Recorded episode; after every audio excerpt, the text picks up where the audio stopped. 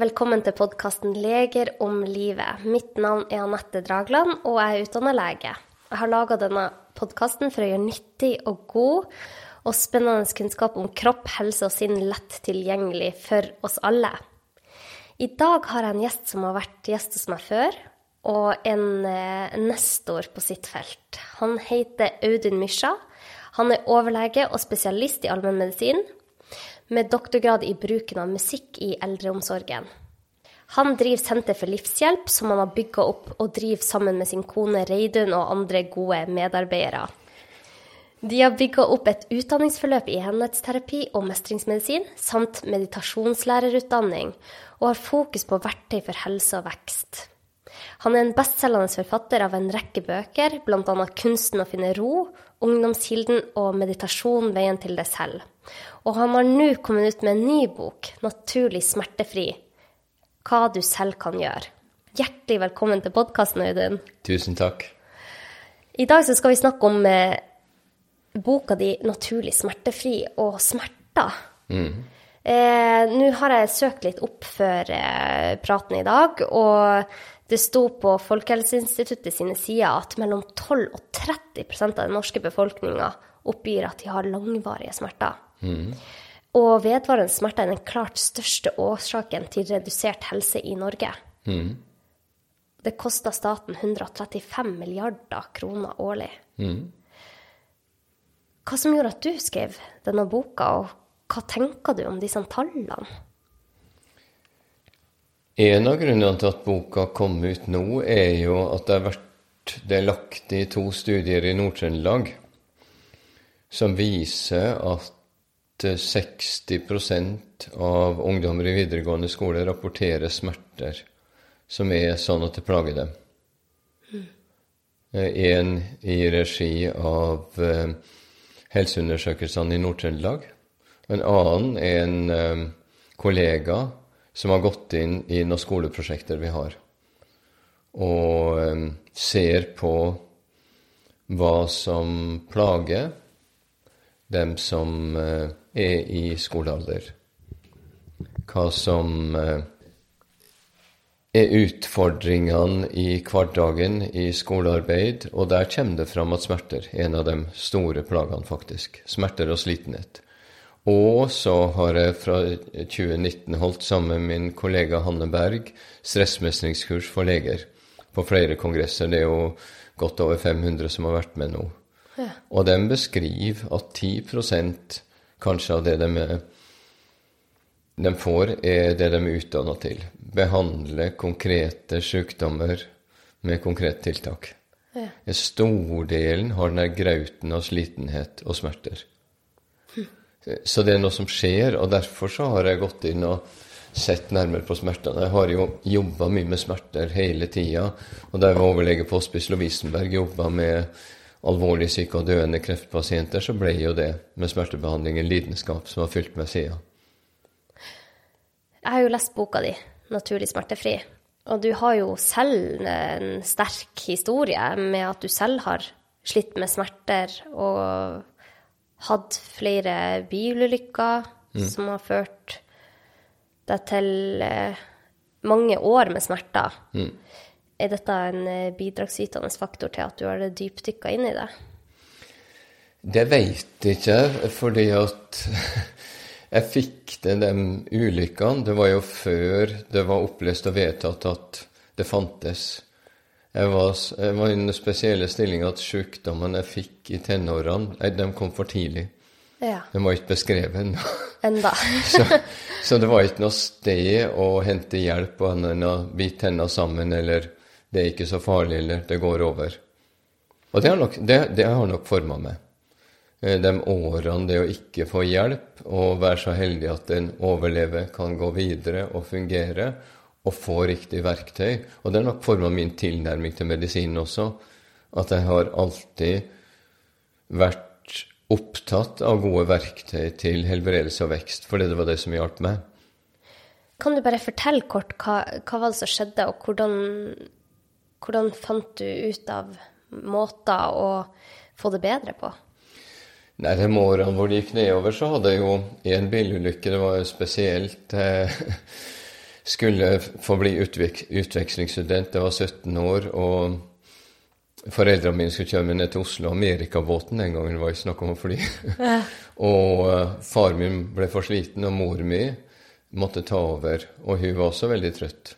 Og så sovna hun på veien over Østerdalen, og bilen kjørte utfor og gikk rundt. Trulla rundt mange ganger. Og jeg satt i baksetet og hadde et sikkerhetsbelte. Det var før den tida. Og jeg måtte jo bare klare Jeg var jo en døs, og hele den der veien over Atlanteren Jeg rakk akkurat båten da, med forsinkelser. Men det ble jo eh, Det var jo bare å, å slåss med demoner inni seg som ingen visste noe om eller hadde noe navn på. Det var jo mange år. Og så var jeg i Frankrike eh, da jeg var 19, eh, og, og der var det noe lignende som skjedde. Dem jeg bodde hos eller overnatta hos, der de skulle vise meg litt rundt i en middelalderlandsby, og så glei bilen når jeg skulle og, eh, over ei bru, og så klarte å bråbremse akkurat før bilen kjørte langt ned i juvet. Men det var også han som satt i forsetet, fikk faktisk en varig lammelse. Ja. Men jeg var heldig, jeg fikk bare en whiplash. Men det fantes jo ikke den gangen, så det var jo ikke noe hjelp å få, men det å da utforske det her universet med sinnets muligheter, pust, trykkpunkter, alt som kunne gjøres. Jeg ble umettelig når jeg, visste at, når jeg skjønte at det fantes hjelp. Ja. Og den umetteligheten har egentlig aldri gitt seg, for så har jeg kunnet føre det over til andre. Ja. Det var jo bare sånn stafettløp. Så snart jeg begynte å bli bra, så kom strømmen av pasienter som aldri har stoppa. Ja, for jeg tenker jo at um, det er jo mange som føler kanskje at de ikke får hjelp. Det kommer jo mer og mer kunnskap om det, men når du sier at 60% av ungdommer sliter med smerter, eh, eller skoleelevene, og jeg bare vet selv på legekontoret, det er utrolig mye smerteproblematikk da. Ja, ja. Så tenker jeg at vi har jo fremdeles en lang vei å gå. Og Det er derfor det er så viktig at denne kunnskapen kommer ut, og at du skriver en sånn bok som jeg ikke har lest fra en lege før. Mm. Du har jo fått hjelp, du har fått kunnskap som har gjort at du har fått et godt liv, eh, mm. og lever et friskt og godt liv nå, har jeg forstått. Ja. Ja, Men før vi skal gå inn på hva du har gjort, og hva du hjelper dine pasienter med, eh, så tenker jeg smerte er så vagt. Hva, hva, er egentlig definisjonen på smerte? Den offentlig godkjente er jo det med at smerte er en ubehagelig opplevelse som skyldes en vevskade eller mulig vevskade, eller opplevd som en vevskade. Ja. Skillet mellom kropp og sinn i så måte er jo oppheva av moderne forskning. Ja. Og eh, jeg er helt enig med det jeg opplevde i bøkene som var alle imot smerte. Alle ønska å gjøre noe for å få mindre smerte. Men hva smerte egentlig er, det, det har jeg måttet ta et dypdykk i. Eh, så jeg tar jo fram tyske begreper som eh, zelensmert, sjelesmerte og verdenssmerte. Mm. For det opplever jeg mer og mer når jeg går inn i en yngre populasjon.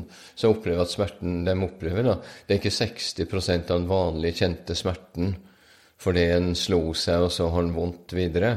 Mm. Men, det, men, det, er noe annet, og det har fascinert meg. Og det prøver jeg å ta fram i boka. Og også en metode som er utvikla for en del år siden, som faktisk har vist seg å kunne hjelpe mange av dem som sliter med grenser, blant annet. Så jeg, jeg har i boka gått inn på orda vi bruker om smerte også. Ja. Ordet smerte er jo interessant, for det kommer fra gammeltysk og betyr smart. Nei. Så den akutte smerten er smart. Ja. Den redder oss. Og, og, skade kommer fra gammeltysk også. Det, det betyr dels noe som, som, kommer inn og påfører skade, men det betyr også synd. Hm. At det, det, var synd. Ja. Eh, og så kommer vi til kroniske smerten, og der er jo pain, det engelske pine. Det å være forpint på pinebenken. Ja. Og um, jeg har også Det, det medisinske ordet for smerte er interessant, for vi er jo opptatt av det eksakte definisjonen av smerte. Men hva kaller vi det? Dolor? Og hva betyr det? Ja. Sorg. Sorg, ja. Så det er medisinens eksakte definisjon Ja. av hva smerte er. Og så har du vondt. Fri oss fra det onde. Det er jo et av de første ordene barn lærer. Det er vondt. Vondt. Ja. Og, og, og det er dobbeltheten der også, så det er en ambivalens i det hele. Eh, I det der Det gjør vondt, men det er også ondt. ja. Eh, Smerte som noe som angriper oss. Så det er, det, det er interessant. Og jeg er jo lært opp i en medisin med painkillers, hvor smerte er fienden. Vi er heroiske, vi bekjemper fienden og kjemper ned smerten. Vi skal slåss mot smerten. Slåss mot smerten. Tapte kampen mot kreft, tapte kampen mot smerter. Og det er en interessant metafor. For det, det er en heroisk myte som ligger under vår kultur. Sankt Georg seier over dragen. Ja. Men så er spørsmålet om dragen skal drepes. For jeg har hatt mest virkning sjøl og med pasienter, med kursdeltakere på kronisk smerte. Ikke med å drepe smerten, men med å møte smerten. Forstå smerten. Det er derfor jeg har metoder som dialogmetoden Mm, den Som er veldig fin. som viser seg å virke. Som jeg sier, at hvis smerten er veldig kraftig, så er det å finne steder i bevisstheten, i sinn, i kropp, der smerten ikke er. Og kunne se at her er smerten. Og hvis smerten er mindre, så er ofte den beste måten det å kunne gå inn i møte, skjønne smerten, få smerten til å snakke. Jeg gjør det med pasientene mine og kursdeltakere. Det er fascinerende. Ja, for at det som har skjedd i helsevesenet, er at vi skal bekjempe smerten. Ja. Men vi ser at dette funker ikke, fordi Nei. at befolkninga det, det blir et større og større problem Ja. med smerte i befolkninga. Så vi har ikke klart å bekjempe eller slåss mot Nei. smerten. Det har kommet mer smerte. Og metodene vi har brukt, eh, lindrer kanskje kortvarig og akutte smerter, er jo kjempeviktig å lindre. Men det er de der langvarige, kroniske smertene vi snakker om her, der en tablett ikke fungerer. Nei, og det er jo satt på spissen i det som jeg slåss for å få med i boka, et større kapittel om neuropatiske smerter. Ja. For det er jo de store mørketallene. Der vet vi jo at medikamentene vi vanligvis bruker mot smerter, virker minimalt. Vi bruker jo epilepsimedisiner, men dilemmaet der er jo at de også skjærer av en kutte av en del av forbindelsen til hjernen, sånn at bevisstheten blir dempa. Vår mentale klarhet blir svekka. Ja. Så, så er at jeg har en lidenskap rundt å finne gode metoder noe med, med neuropati. Det var forleden dag ei som har vært på telefon med som har voldsomme neuropatier, ingenting har virka, så ble vi enige om en strategi. Hun ringte i går og fortalte at hun for første gang på mange år så merka jo at eh, smerten har gått dramatisk ned. Og det er sånn jeg, jeg griner, Da begynner jeg å grine litt. Ja. Fordi at jeg vet litt om den lidelsen som de går med. ja. Og, og der er lov å si at det helsevesenet har kunnet hjelpe med, er ut fra det pasientene rapporterer, ganske minimalt. Og, og, og, og der prøver jeg i boka å sette fram noen hypoteser som jeg skriver i forhold. Er ikke alt som er evidensbasert i teknisk forstand, men ingenting av det som kommer fram, er vilkårlig. Der det finnes god forskning, har, eh, har jo godt over 100 nye, oppdaterte vitenskapelige referanser. Og, og der hvor det ikke det finnes, hvor jeg bare måtte gå ut i et ikke-kartlagt landskap, så er det det jeg presenterer systematiske erfaringer, hvor det ikke bare har virka på én person, men på større grupper. Ja, for at Hva er det egentlig som skjer når vi får smerter? For én ting er det akutte, når du har skåret deg med kniv i, på tommelen. Eh, men hva er det som skjer når du har kroniske smerter, og de tar MR, og de finner ingenting? Du går med en kronisk smerte i en legg som Det, det viser ingenting. Eller korsryggsmerter. Hva, hva er det som skjer her? Eh, Den nærmeste forskninga kommer, er knytta kanskje til nevroplastisitet, hvis vi ser på den vanlige smertemodellen, da, med at smerten går gjennom, som jeg beskriver også, gjennom reléstasjoner i ryggmargen, i hjernestammen, i midthjernen og tolkningssentrene i storehjernen. Ja. Og nevroplastisitet vil jo si at akutt smerte hjelper oss å overleve. Vi kommer unna det som kan skade oss. Ja. Kronisk smerte, da blir ofte den reaksjonen værende. Men det interessante er at hos mange jeg treffer på, så har kroniske smerter oppstått uten noe, no, noe klar skade. Det er myte f.eks. tunge løft gir korsryggsmerter. Eh, Når en ser studier av genesen, altså hvordan smertene i korsryggen fødes, så er det en veldig tynn slik sammenheng. Ja. Så, så det er noe som oppstår. Det en, vet best om, er nevroplastisitet, er at hjernen vår er mye mer formbar enn vi har trodd. Og når det oppstår et smertesignal, så vil det endre hjernens måte å sanse på. Slik at signalene som sendes ned, vil også endres. For det at smerte, og særlig neuropatisk smerte, vil alltid ha et element av en sirkel som okkuperer bevisstheten. Noe som oppstår nærmest en stat i staten. Men hva er ordet nevroplastisitet? Det betyr at nervesystemet formar. Eh, eh, plastisitet betyr ikke plastikk, men, Plastisk, ja. men, det- men at det, form, Ja. det er formbart. Ja. Og det er en radikal endring. Da jeg studerte medisin, så var jo hjernen det kjedeligste å studere. For det var noen prosesser, og du kunne ikke gjøre noe med det. og Hadde du tatt et glass øl, så døde 50 000 hjerneceller, og den kom aldri tilbake. Ja, ja, ja, ja. men, men nå vet vi jo det radikale, sånn som i meditasjonsboka mi, så kom jeg over en studie hvor en randomisert, kontrollert studie hvor den ene gruppa i tidlig stadium av demens hadde da en meditasjonsprotokoll som de gjorde i tre måneder, og så kontrollgruppe som gjorde noe annet som ikke var meditasjon. Og gruppa i meditasjon de klarte jo å få stoppa progresjonen. Det er én ting. Men det radikale var jo at de tok MR-bilder, og det viste seg at talamus, som er jo det, et av de viktigste organene i hjernen og i kroppen for vår bevissthet, for det filtrerer jo alle sanseinntrykk til store hjernen.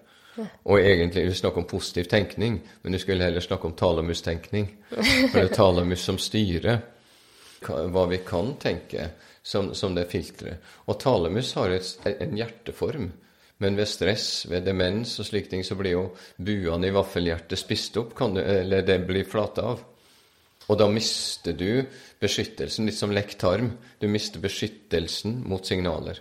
Det er jo derfor f.eks. personer med demens og under stress de blir mye mer tandre. De, eh, mister styringa i det kognitive. Og i den studien så ble buene i vaffelhjertet gjendanna i talamus. Det er noe av det mest radikale jeg har sett i forskning. Tenk det. Og det, og for, hva skjer da i praksis? Jo, den personen blir ikke like utsatt for sanseinntrykket For lettere Vi vet jo at hovedgreia med demens ikke er hukommelsestap, men at vi ikke klarer å sette sammen verden. Vi klarer ikke å sette sammen og tolke sanseinntrykk med demens. Og det vil si at hvis talamus filtrerer bedre, så vil du sette sammen verden bedre. Og det, det er bare ett eksempel på neuroplastisitet. Og vi vet dessverre at kroniske smerter, den syklusen der, smertesyklusen, okkuperer bevisstheten og gjør at vi får en redusert kognitiv kapasitet. Og klarer vi da å omdanne, bruke det skapende sinnet, til å endre noe av den smertesyklusen mellom hjerne og kropp? Ja.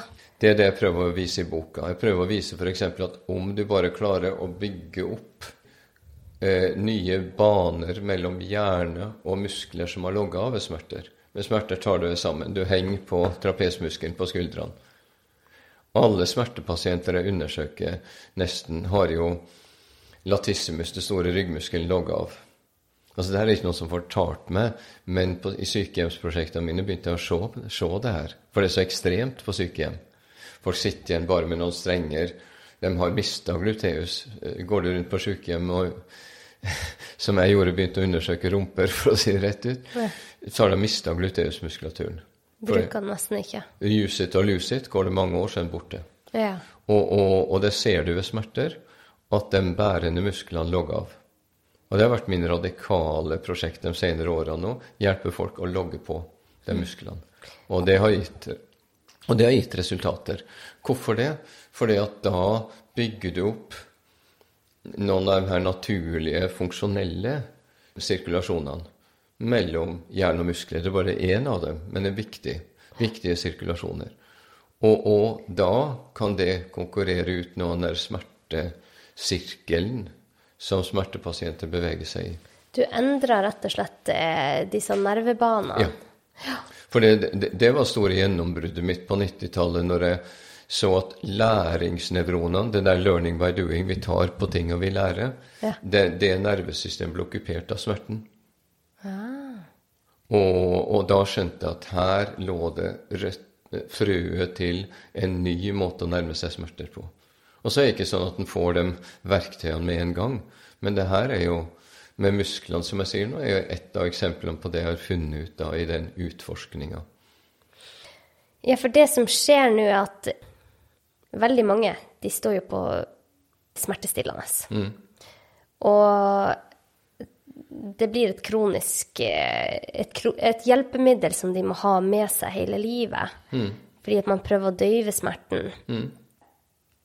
Men det som skjer, er det du ønsker å få frem, er at ved å prøve å angripe smerten med smertestillende, så vil ikke problemet bli løst. Det vil bare maskere et underliggende problem. Ja, hvis, hvis folk henger på trapesmuskelen og de bærende musklene eh, nede i bekken, rygg, mage og logge av, så vil ikke de tablettene ordne det.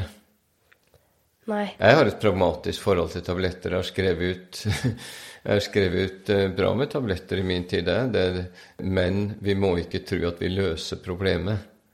Det kan Med- hjelpe. Det, det hjelper mennesker å komme gjennom dagen, og, og det hjelper at mennesker blir da i en posisjon hvor de kan ta tak i ting. Men jeg kan ikke bare gi tabletter og si at nå har vi gjort det. Nei. For det med tablettene, da begynner det. Da får pasienter nok, da får mennesker som sliter med smerter, nok frirom til at de kan begynne å jobbe konstruktivt med smerten. Men du har et kapittel, et underkapittel i boka som heter 'Stein til byrden og møte smerten'. Hva mener du da? Hva- hva mener du med å møte smerten? Vi er jo hardwired i midthjernen på å søke behag og unngå ubehag. Det er mye kartlagt de senere årene. Så du hadde en bok om dopaminnasjon. Ja. At vi, vi vil gjerne ha den behag. Vi vil gjerne være høy, vi vil gjerne ha kickene. Og vi unngår det ubehagelige. Ja. Men det er jo en økende forståelse at det, det kjører oss i den her loopen i midthjernen, belønningssystemet. Og hvis du klarer da å se smerten Det, det vil alltid være ubehag. Og vi vil instinktivt skygge unna. Vi vil skyve det vekk. Hvis du klarer å snu den til å se ok, her er smerten. Hva, hva, eh, hva gjør jeg med den? Kjenne at her er vondt. Og helsevesenet våkner ofte opp når ting er ille. Når smertene er ille. Det er ikke da vi kan jobbe best med det. Men vi må jobbe med smerten og møte smerten når den er tolerabel. For da tenker folk opp det. Ja, men nå kan jeg være fri fra smerten. Nå, nå er det nesten ingenting. Men i min erfaring er veldig klar at hvis folk da klarer å få et aktivt forhold, oppsøke smerten, hei smerte, Der Eh, er du. Der er du. Hva vil du si med? Hvor ligger du? Bare det å definere hvor, hvor skitten. For det er så de pasientene som er veldig vanskelig å hjelpe i allmennpraksis, er jo dem som har diffuse smerter. Hvor har du vondt? Vondt overalt. Ja. Eh, det blir ikke håndterbart. Nei. Men hvis du, hvis du får hvor Derfor tar jeg alltid en metode, f.eks. sånn Hvor er smerten verst? Nei, like ille overalt. Nei, men hvis du skal nå ha en pistol mot tinningen og si hva er verst? Å ja, ja, det sitter her i, i mellomgulvet. Eller i høyre skulder. Og, og så går inn For da blir det håndterbart. Du, du kan ikke møte møte en kaos, et mangfold. Du, du må få noe du kan ta tak i. Du kan ikke møte legene. Du må møte meg eller andre. Da blir det håndterbart. Forstår, forstår Ja, det må være mer konkret, ikke så diffust. Vi må, eh, diffust, da får ikke vi tak i smerten. Det blir en fiende som vi ønsker å nedkjempe ut fra vår, vår bærende myte. Men, men vi er ikke Sankt Georg og dragen. For, for den dragen er bare diffusitas. Ja. Og, og da klarer ikke vi å, å gjøre noe med den kampmetaforen engang. Derfor er kirurger som kan skjære ut et eller annet som gjør vondt, de klarer jo å leve den myten, kan du si. Ja. Så jeg sier ikke at den er, eh, den er noe jeg vil kritisere, men jeg sier at hvis den skal brukes på alt, da er vi i trøbbel. For jeg tror i kroniske smerter så er det noe som smerten har å si oss. Min egen smerte har jeg en sånn utrolig takknemlighet overfor. For den har vist meg så mye av det jeg kan om livet. Så mye av det som er gjort meg klokere og mer forståelsesfull overfor andre. Hvem hadde jeg vært uten smerten? Jeg hadde vært en veldig arrogant person, f.eks. Smerten har gjort meg til en annen type menneske. Smerten, hvis du klarer å møte den, er med på å føde medfølelse, for en skjønner at smerte er del av livet. Lidelsen er et faktum i livet. Og å kunne møte smerten, da skjønner du at det er et oppdrag, et kall, og noe av det største et menneske kan gjøre, å hjelpe seg sjøl og andre å løfte lidelsen. Og komme dypere i det. Smerten min har hatt et budskap til meg, helt klart. Jeg skal ikke da si at alle andre står til andre med en pekefinger og sier du skal finne smertens budskap. Men jeg ser at dem som klarer å få til best med smerten, er å nettopp få den proaktive holdninga. Dialogen. Det å spørre 'Hvem er du? Hva vil du?' Det løser jo også opp litt. Ja. Det løser opp den der veldig dype frykten Ja. som er i oss når vi har vondt. Ja. Vi er livredd for den, stor, og det har jeg stor forståelse for, for at jeg jo òg hadde mange tider med smerter. Mm. Men det du sier at eh, smerten forteller oss noe, det kan jo høres for noen kanskje litt provoserende. sant? De som sliter voldsomt med smerter, og man finner ikke ut av det. Eller kanskje man har funnet ut av det, men man må leve med det. Så kan det føles veldig som et angrep på deg. Sånn, jeg, jeg ville ha vært et mye bedre menneske hadde jeg sluppet denne smerten. Og det er jo ikke sånn at um, du prøver å si at du skal bare leve med den smerten du har.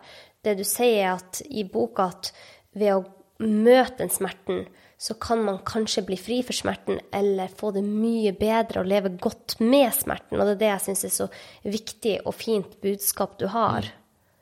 Ja da, og, og det er klart at eh, det er derfor jeg sier at eh, jeg, jeg har ikke noe imot å, å skrive ut smertestillende medisiner, for vi må prøve å lindre smerten. Men jeg snakker om nå hva er funnet mest effektiv. For hvis vi har frykt, hvis vi har, eh, hvis vi har eh, flukt, så havner vi i fight-flight. Og da er vi dømt til å forsterke smertesignalet i hjernestammen hvis vi frykter eller flykter. Ja, da Det er er, et fysiologisk faktum. Det har ikke noe å gjøre med å ikke være medfølende eller ikke respektere mennesker. Det har å gjøre med å se på fysiologi og se på som, hva, hva som faktisk vil hjelpe folk med kroniske smerter. Og nettopp hvis den smerten raser, så vil all frykt og flykt forsterke smertesignalet. Og hvis en kan hjelpe mennesker å kunne finne ro det, det her er ikke bare en talemåte. Det her springer jo ut av erfaring med tusener av eh, smertepasienter. Og jeg har jobba med, som jeg ser i boka, noen av virkelig ille smertetilfellene. Det siste jeg ville si, er på en måte å ta det på en lettvint måte, eller si du får bare tåle smertene, eller sånn. Nei, tvert imot. Det, det jeg prøver å se på, er, er hva som faktisk har vist seg å hjelpe mennesker med alvorlige kroniske smerter. Altså hun som fikk skåra av ryggmargen i et tragisk operasjonsuhell. Stort verre blir det ikke. Men, men sjøl der så var det jo det å, å skaffe seg et frirom, som jeg beskriver nøyaktig metodisk hva en gjorde. Og jeg tar fram det også, for det har vist seg å være produserbart. ja, for det er veldig sterke historier i den boka. Eh, men da er du på en måte inne på det kapittelet som heter punkter, eller du skrev om punkter som regulerer kroppens av- og på-system. Og du var inne på dette med fight or flight. Hva er kroppens av- og på-system? Det vil si det autonome nervesystemet. Det regulerer eh, vår bevissthet og opplevelse fra eh, vi fødes til vi dør. Og grunnen til at jeg sier det jeg sier, det er jo at på Hospice Lovisenberg som overlege så opplevde jeg jo at folk kom inn var utrygge, livredde, og vi klarte ikke å få kontakt. Og da pøste jeg på med doser som var det mangedobbelte av det som narkomane dør av overdose av. Ja. Og folk ble ikke engang døsig, de bare lå der og hylte. Ja. Vann skvetta på gåsa. Da begynte jeg å skjønne. Det var da jeg skjønte at vi må hele tida få gjort noe med det systemet. Det var da jeg virkelig begynte å studere det autonome nervesystemet i, i dybden. På systemet og av systemet. For da sto alarmen på, og så klarte vi å få personen trygg. Vi klarte riktig nærhet, riktig berøring, riktig blikkontakt, riktige ord. Og mennesket landa ned i rosystemet. Og jeg kunne få full smertelindring med 50 mg morfin. Altså en tjuende, tjuende del av det som eh, forgjeves pøsa inn kvelden før. Så dette er jo kjempeviktig det du nevner her, fordi at hvis man er i flukt- og kjempemodus, i den der fryktmoduset, Ja. Så vil det innebære kanskje at smertene blir sterkere eller vedvarende. Eh, men ved å få gå ned i rosystemet, så har man kontakt med noen andre ressurser som gjør det lettere Ja. å bli kvitt smertene eller få roa smertene.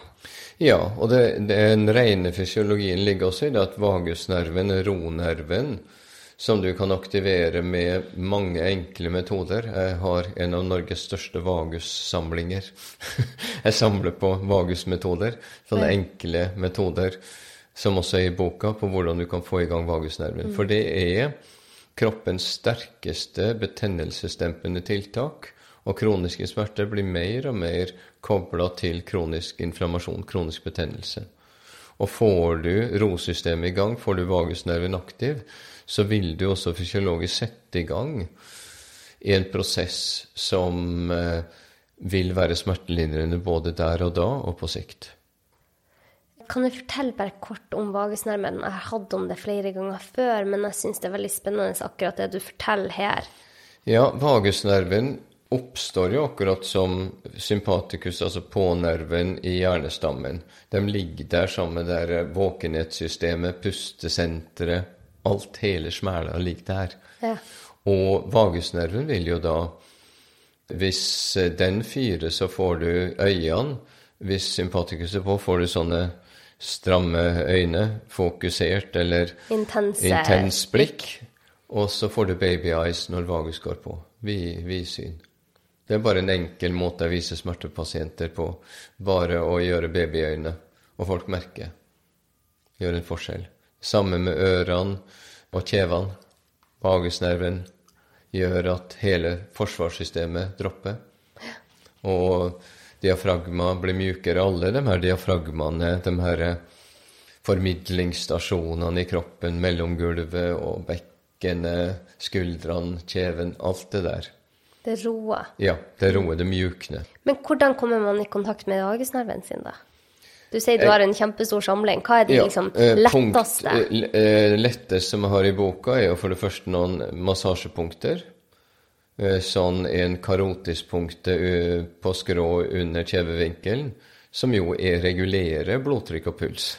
Når du stimulerer det, så, så aktiviserer du. Det er jo ikke noe, noe ny viten. Min første sykehusjobb i, på indremedisin i 1980 satt jeg overlege Vold. Eh, medisinene var for dårlige og for, hadde for store bivirkninger når folk hadde hjerterytmeforstyrrelser. Og de lå der og satt og masserte. Ja, ja. Vi bruker jo det i sykehusene. Og, og det gikk ned. Og, eh, så det er sånne punkter eh, som virker. Og så er det jo pusten, da. Koherent pust, som jeg skriver om i bøkene mine, 'Kunsten å finne ro', har jeg beskrevet i størst detalj.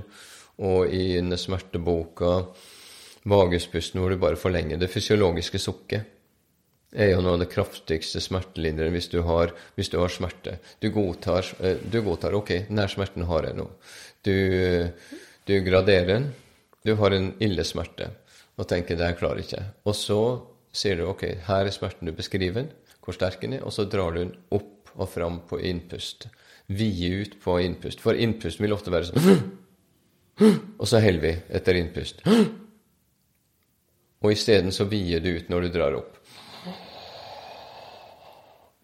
Skaffe et rom. Og det fysiologiske sukket kommer nå. Du ah, Og så forlenger du. Fordi at hvis du har smerte, vil du prøve å sukke, så blir det sånn Uff. Jeg har så vondt. Uff. Skjønner? Mm. Innpusten sånn Eller utpusten Uff. Men nå vier du ut innpusten først. Du drar det opp så du kan håndtere det. Og så ah, forlenge. Du kan til og med bruke trinnpust, som smertepasienter har framheva som en særlig virksom. Du drar det og så Ha-ha-ha-ha-ha, så vondt.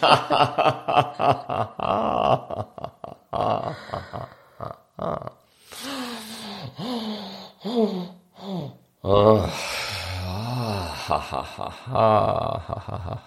for de som ikke ser på den nå, så tar du og vier ut brystet og armene. Du tar stor plass i rommet, ja.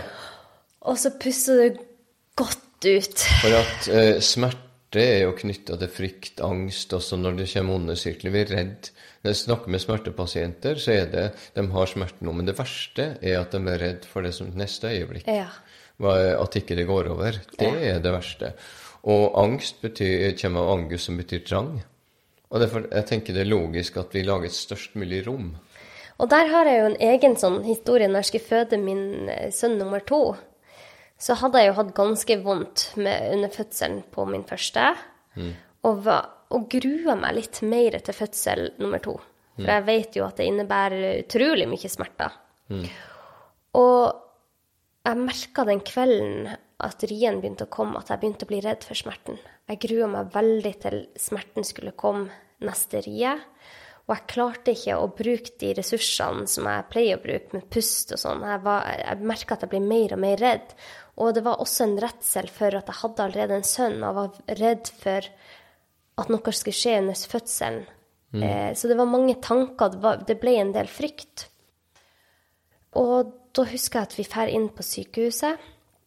Og jeg klarer ikke å puste godt gjennom rien. Jeg puster veldig overfladisk, er veldig redd.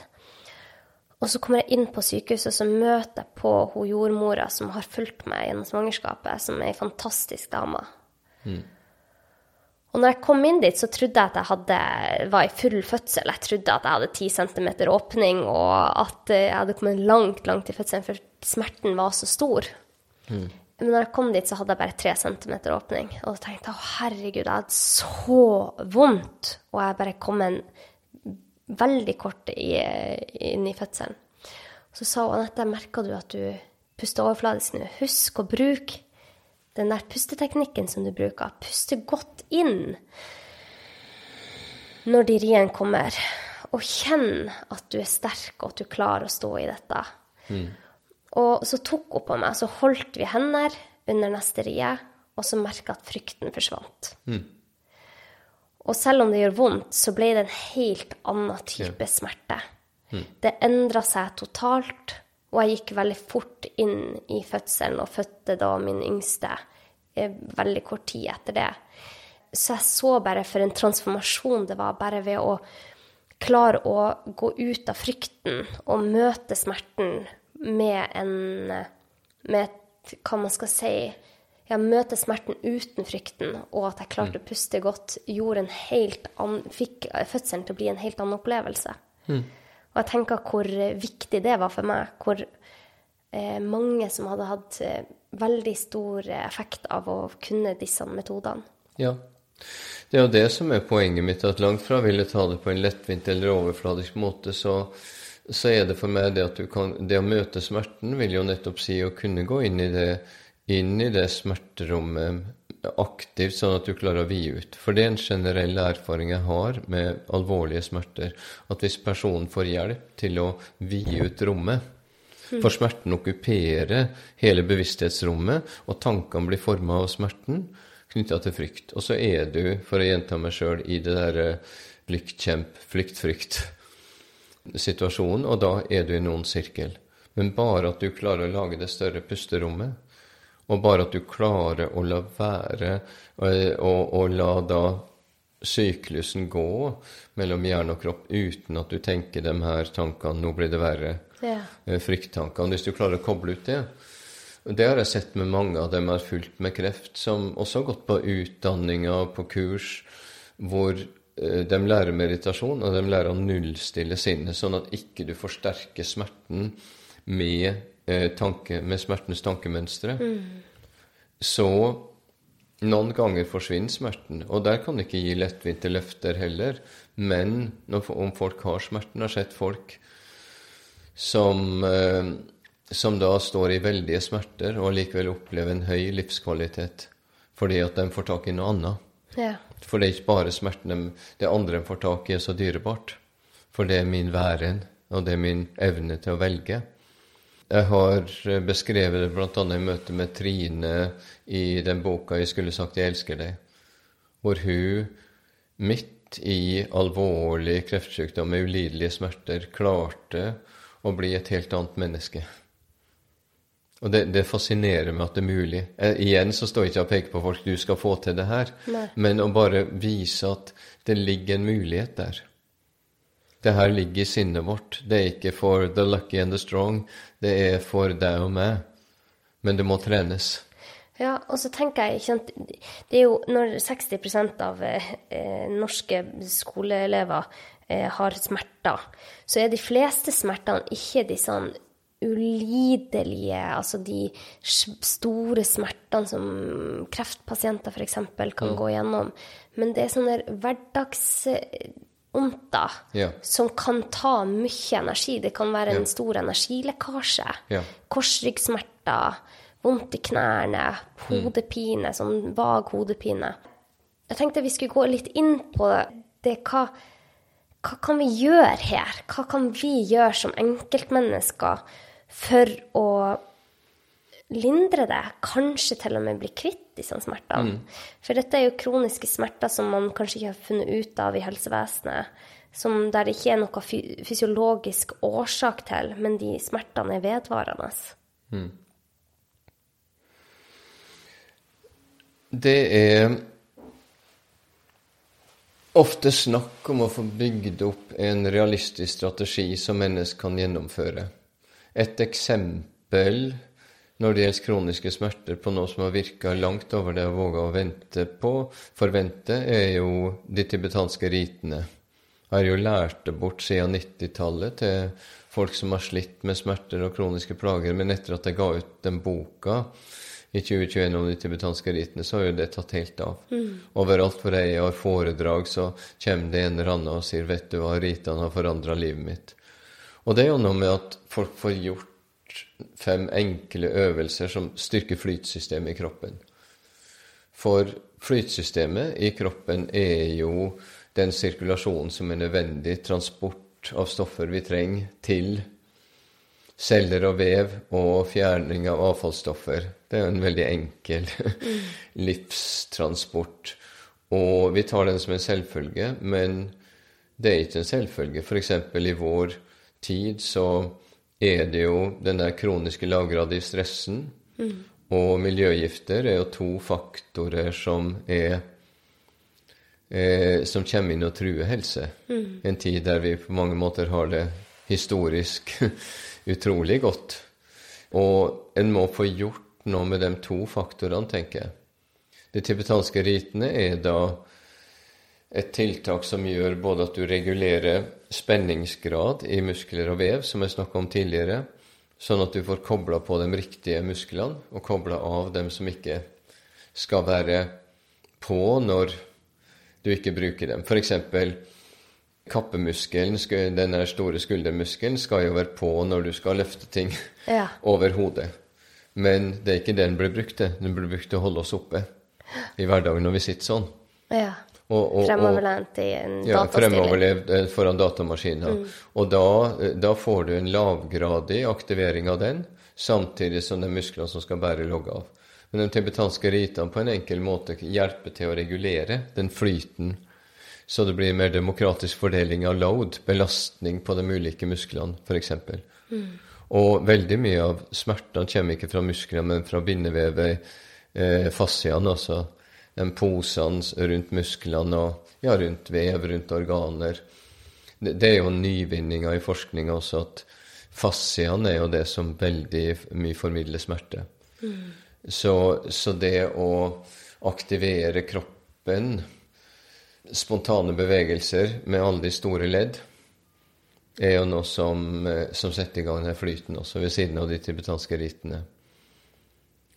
Eh, eh så, og de tibetanske ritene kan man kjøpe den boka di. og jeg, jeg vet ikke om de finnes på nett? jeg vet ikke. Jo, jo, det, det finnes overalt. Og, ja. Men det spesielle med boka er at den går i veldig detalj akkurat på den mekanismen vi snakker om nå. Ja. Så folk kan virkelig gjøre det helt riktig, så de får i gang den flyten. For det er jo helt sentralt for å lykkes med å få bedre helse og mindre smerter hvis gjør, en har kroniske smerter. Gjør kroppen rett og slett fysisk sterkere, koble på muskulatur ja. som skal være kobla ja. på. For i vårt stillesittende samfunn, ja. der 15-åringer i Norge er mindre aktive enn 70-åringene i Norge, så er det jo Det blir eh, vi får ikke eh, brukt den muskulaturen som vi naturlig er laga for å bruke i hverdagen.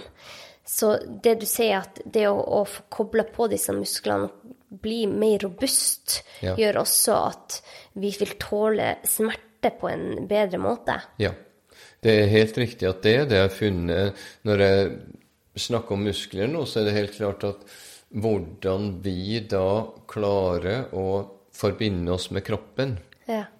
Det vil, det vil påvirke hvor robuste vi er i ja. møte med smerter, i møte med livets utfordringer, livets lidelse. Ja. Og, og, det trengte en ikke å tenke så mye på når det gjaldt mine besteforeldre på ei lita øy, hvor alt var allsidig fysisk arbeid fra morgen til kveld. Mm. Og en god rofase. Ingen Facebook-oppdateringer. Det var hvile. Og, og det, er det som, som er negative sider av digitaliseringa som vi må se på, og som nok i seg sjøl er smertefremkallende. Hmm. Og, og, og det, du, du, forstår meg helt riktig. Det jeg prøver når det gjelder kroniske smerter, er at den blir mer robust. Ikke bare det skal ta det, ikke ta det sammen, tvert imot. Mm. Men få kontakt med kroppen. Ja. Og by, vi må bygge det opp fra grunnen av. Ja. Ja, det syns jeg er veldig fint. Du beskriver også eh, flere metoder i boka, bl.a. EFT. Mm -hmm. Og eh, den var veldig fin, der man møter smerten. La oss si at man har korsryggsmerte, da, som mm. veldig, veldig mange eh, voksne sliter med. Mm. At istedenfor å frykte den og prøve å dytte den unna, mm så beskrev det at du skal møte den. Kjenn hvor er den? Hvor, har den en farge? Mm. Hvor sterk kjennes den ut? Mm. Har den noen følelser i seg? Eh, altså, mm. Kan du bare beskrive litt den metoden? Det er jo en av de her enkle brukende metodene hvor du rett og slett bruker rytme. Du dunker på spesifikke punkter som er da funksjonelle punkter kobla til vår bevissthet, hvor, uh, som skrur på flytsystemet i kroppen, kan du si. Ja. Rett og slett. Og uh, vi tar, en tar da smertene, som du sier, og får tak i den. For hvis vi skyver noe vekk, så kan vi ikke håndtere det. Altså F.eks. i et parforhold så er det noen problemer i parforholdet. Nei, nå skal vi ikke snakke om det. Eh, nå skal vi ha det hyggelig. Ja. og så ligger det der likevel. Det er det jeg mener med å møte smerten, at du, hvis du tar det fram Og jo mer presist det blir, kan du håndtere det. Det er bedre. Det er akkurat som i en samtale, også hvis det er et problem. Hvis du bare sier 'du har aldri gjort det', eller 'du har alltid gjort det'. Men hvis du kan si 'hva var det som skjedde nå', fortell meg. Hvis du får, hvis du får en presis forståelse, er det mye lettere å håndtere det. Så derfor drar du det opp fra underbevisstheten og kropp, mm. så det blir håndterbart. Og så lager du en fil, kan du si at nå jobber vi med det her. Og sjøl om jeg har det problemet, så, så er jeg den jeg er. Jeg er ikke bare problemet mitt, er innholdet i den setninga. Og så når du har laga den fila, så begynner du å dunke rytmisk på de her punktene. For, det, for rytme går rett inn i hjernestammen. Det er jo som soldater som er livredde og sultne og slitne, og så må Napoleon med sin hær over Alpene dra. Og du kan prøve å snakke med dem 'nei, det går bra', eller sånn, men det er mye mer effektivt å kjøre militærmarsjer. Napoleon med sin hær. Da går det rett i hjernestammen til din indre kriger. Ja. Rytme er undervurdert når det gjelder smertehåndtering. Og, og jeg vet at de òg har begynt å bruke det under traumebehandling. Ja, ja. ja. Det, er, det, er, det, det, som har vært så spennende for meg, vært at jeg har gått inn i den blinde leitinga i et uh, mørklagt landskap og dratt ut viten, og så begynner jeg å dra det ut, og så blir det validert. Ja. Når jeg hadde begynt å jobbe med det med rytme, så så jeg at det begynte å komme fram mer og mer fra forskjellige faglige hold, rett og slett. Fordi at rytme styrker vår overlever, mm. og det motvirker den tendensen til å gå i frykt og flykt. Mm. Så, og så går du igjennom hele den sekvensen av punkter til du får en metning. Så hvis du hadde en Hvis, hvis en som lytter til nå, går rundt med en smerte, en kronisk smerte, ja.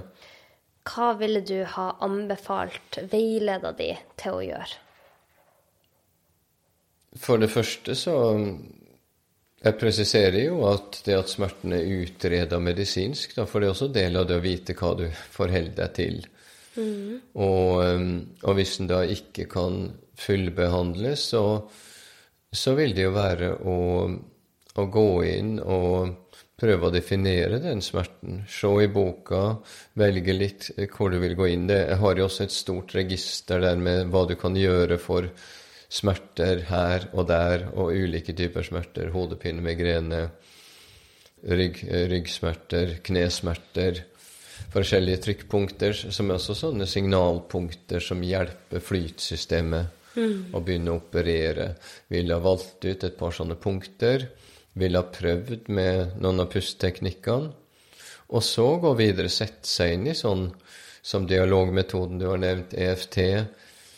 Det jeg prøver, har prøvd å inkludere i boka her, er trygge, virksomme og brukende teknikker som har vist seg at ikke bare de utvalgte kan bruke, uansett hvilken utgruppe, de intellektuelle, de åndelige, eller hva det måtte være, men, men at det berømte vanlige folk.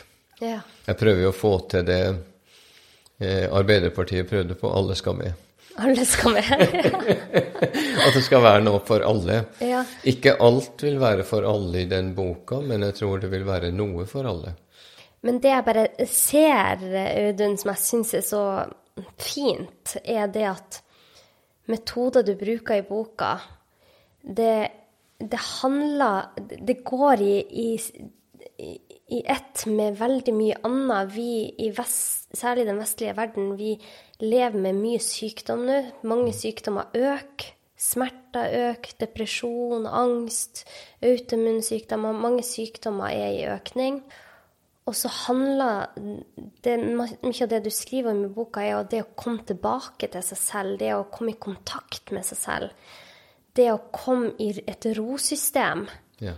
Og hvis man klarer det, så vil man også ha muligheten til å kanskje bli bedre fra andre ting. Fordi at vi vet at hvis vi er i fight or flight hele tida, så kan det trigge en betennelsestilstand, en lavgradig mm. betennelsestilstand, som igjen kan trigge start, være starten på sykdommer. Mm. Så alt henger jo sammen her. Ja, og livet mitt har jo vært så mye møte med sykdom, smerter, plager, det som jeg har brukt dagene mine til. Og for meg har det jo munna ut i å se på det med verdighet og verdi.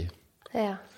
At det jeg har vært så stolt av med å være del av helsevesenet, at vi faktisk har, har hatt en helt annet syn på mennesket enn det som f.eks. holdt på å ta over Norge i 1940 og utover nemlig at noen har verdi, de som er friske, sterke, og dem som sliter med sykdom eller er svake, dem er mindre verdt. Men, men, vi har faktisk gjort det valget at uh, alle mennesker, alle levende vesener, har verdi, til og med lik verdi. Og jeg tror at når det gjelder praktiske tilnærminger til smerter, så må vi aldri glemme det. At det at hvert menneske må kunne oppleve verdighet midt i plager, midt i kroniske smerter. For som du sier, at smerter røver energi. Og det vil gjøre at mennesker føler at det mangler noe ofte. I alle fall dem jeg har snakka med. Noe som blir tatt fra dem. Og det å prøve i det en gjør for mennesker at den gir dem noe som nærer verdighet, som nærer mening. Eh, og derfor jeg prøver jeg å forklare veldig godt de metoden, også at det ikke bare blir noe å gjøre det, men uh, hva kan dette gjøre for det? For det målet er jo ikke engang å, å få til en helt smertefri verden, for det, det kommer vel aldri til å skje, antagelig. Det vil alltid være smerter, tror jeg, men at en hele tida skape eh, klarer å finne det rommet der mennesket opplever verdi, verdighet, opplever, opplever mening. Mm. Det er derfor jeg avslutter i boka med det sitatet fra den indiske vismannen Ramana Maharshi, som hylte av smerter. Ja, men du, du er opphøya over det han sa. Der er, der er smerte, men der er ikke lidelse. Mm. For han døde jo uforstyrrelig ro, da. Ja. Og, det, og jeg, jeg, var fascinert av det, for jeg har sett det samme mange av dem jeg har jobba med som mange f.eks. med kreft som så har dødd, men de har dødd i en verdighet. Ja. En avslutning av livet. Og at mennesker En som jeg jobber med nå, som er anonymisert i boka, som hadde long covid og voldsomme smerter, så, som tok livet fullstendig. Og det å bruke metodene som er sagt her i boka, så kommer jeg, og så, og så får jeg en SMS at hun klarte ikke å gå. At nå klarte jeg i, i, i går sprang jeg halvmaraton og hadde ikke vondt etterpå. og, og, da hvordan skal, hvordan skal, et menneske spørre om mer hvis en får være delaktig i å gjøre det for et annet menneske, tenker jeg. Ja. Og det, det, er noe med å, å få gitt mennesker det rommet Uansett om hun nå blir helt fri for smerten eller litt fri, eller som Trine, som jeg snakka om, som hadde mye smerter, men smertene angikk henne ikke. Det, det, er mange måter å, å løfte mennesker på. Men, men, at da blir, blir ikke smerten verken en fiende når vi skal drepe, eller når vi skal fikse, men, men noe som er der som del av livet, men vi kan ha noe som er uberørt av smerten. Mm. Det mener jeg ligger der for alle som en mulighet. Ja, for smerte vil være en del av livet. Og det du snakker om, sjelelig smerte, ja. det er det er perioder med store smerter. Bare ved å være et menneske, så vil man ja. gå gjennom Du vil rammes, og, og hvis du kommer gjennom egen smerte, så, så, vil det føde en medfølelse, i min erfaring, for andre. Og da vil du ta inn verdens smerte. Mm. Så smerte vil det være. Mm. Og i vår tid, hvor media bringer lidelsen i verden så nær innpå oss også, så vil det være noe vi må forholde oss til. Hvordan skal vi håndtere det? Ja. Det, det, blir også noe som vi må se på.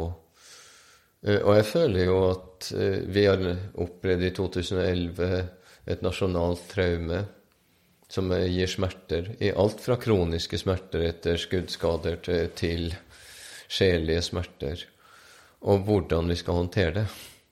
Mm. Jeg tror at hele den koblinga som jeg gjør på slutt med verdenssmerte og smerter og traumer, er en vei som vi må gå mer enn vi har gjort per i dag. For nå har traumer vært sett som det psykologiske av i smerter.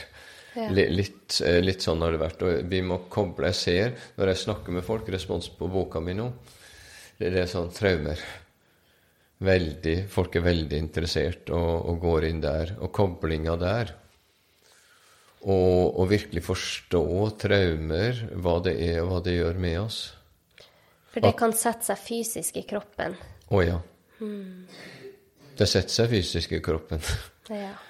Og eh, det, det blir stående igjen som frossen tid, frossen rom. Og derfor er den mest radikale metoden jeg tar inn i boka der, den djupeste metoden, sjøl om det enkelst, enklest kan gjøres på noen få minutter, tid-rom-metoden. Hvor det rett og slett går inn i smertens og traumets binding i tid og rom. Og gjør noe med sjølve tid-rom-aksen. Hvordan da? Nei, du, du, det er beskrevet i boka, men du, du må fiksere eh, traume i et bilde. F.eks. vi snakker om smerten ved et traume, vi snakker rundt det. Men det kan like gjerne retraumatisere. Ja. Hvis du klarer å finne det verste øyeblikket og fiksere det i tid og rom, og sette alt inn i det bildet. Alle følelser, alt annet som har skjedd rundt, inn der. Da har du gjort det håndterbart. Ja. Og så lager du, fikserer du i tid hvilket tidspunkt. Og så fikserer du i et, uh, i et rom, traumerommet, hvor du lager akser. Så du tar avstand til vegger og tak og gulv og den slags. Du fikserer det, og så setter du det fri uh, fra kroppen. Hmm. På en veldig spesifikk måte. Det er en uh, nevrokirurgisk metode. Ja. Jeg tar den fram fordi den har gitt så spektakulære langtidsvirkninger. Jeg har jo et langtidsmateriale på, det, eh, på den metoden på nesten 15 år nå. Jeg treffer de folkene igjen, og det har ikke kommet tilbake. Ja. Noen få minutter. Det, det er noe av det radikale, og det er klart Oppleve en sånn som blir det en blodhund. Det er på, på å jakte det som virkelig kan hjelpe, for det, for det er akkurat som Og et helt felt er der nevnte, har den boka av Gabor Maté, det er masse fagpersoner verden over som er på sporet av noe. Ja. Og det syns jeg er fantastisk å være del av. Og, og særlig fordi at jeg har gått Jeg må bare måtte gå inn i et landskap som jeg spurte om eh, hvordan det er slik og slik, og ingen har kunnet svare meg. Og så har jeg bare måttet utforske det.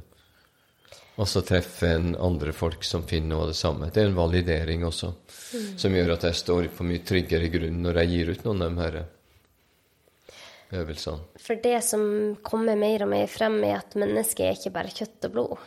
Mennesket er noe Det er så mange ting vi ikke kan måle ja. med instrumenter eller metall, mm. og som påvirker oss i veldig stor grad mm. fysisk også. Og det syns jeg kommer så godt frem i bøkene dine, Audun. Så tusen takk for at du har tatt deg tid til å skrive denne boka også. Du har mange viktige bøker, og jeg anbefaler den varmt. Er det et sted mine lyttere kan nå deg ellers? Det er jo på hjemmesida eh, livshjelp.no. Mm. Den bygger vi opp nå, så den skal være en, en mer Håpet og planen er jo at den skal være en mer interaktiv plattform nå, som kan virkelig gjøre at vi kan uh, bygge opp denne flyten med å forstå hva mennesker trenger, og hvordan vi kan gjøre vårt lille bidrag. Ja. Veldig fint. Eh, Audun, jeg pleier å spørre et siste spørsmål til mine gjester. Og du har jo virkelig møtt mange i store livskriser, men du har også hjulpet veldig mange ut av disse krisene til å få et godt liv. Hva er det du ser hvis du skulle forlate denne planeten i dag, men så fikk du lov å fortelle alle jordas befolkning da tre ting, tre råd eller utsagn eller ting, hva ville, hva ville det vært? Um, det går over. Det er et mantra jeg sjøl har brukt. Det går over. Mm. To ting kan aldri forgå liv og kjærlighet. Stillhet er destinasjon, gave og oppgave. Tusen takk, Audun. Tusen hjertelig takk for at du tok deg tid til å være med i dag. Hvis dere føler at denne episoden kan være til hjelp for noen andre, så send den til dem. Det er sånn vi får ut den gode kunnskapen. Og har du noen spørsmål eller kommentarer til episoden, så kan du skrive det under på episodeinfo på Instagram og på Facebook. Og med det så ønsker vi deg en kjempefin dag. Ha det godt.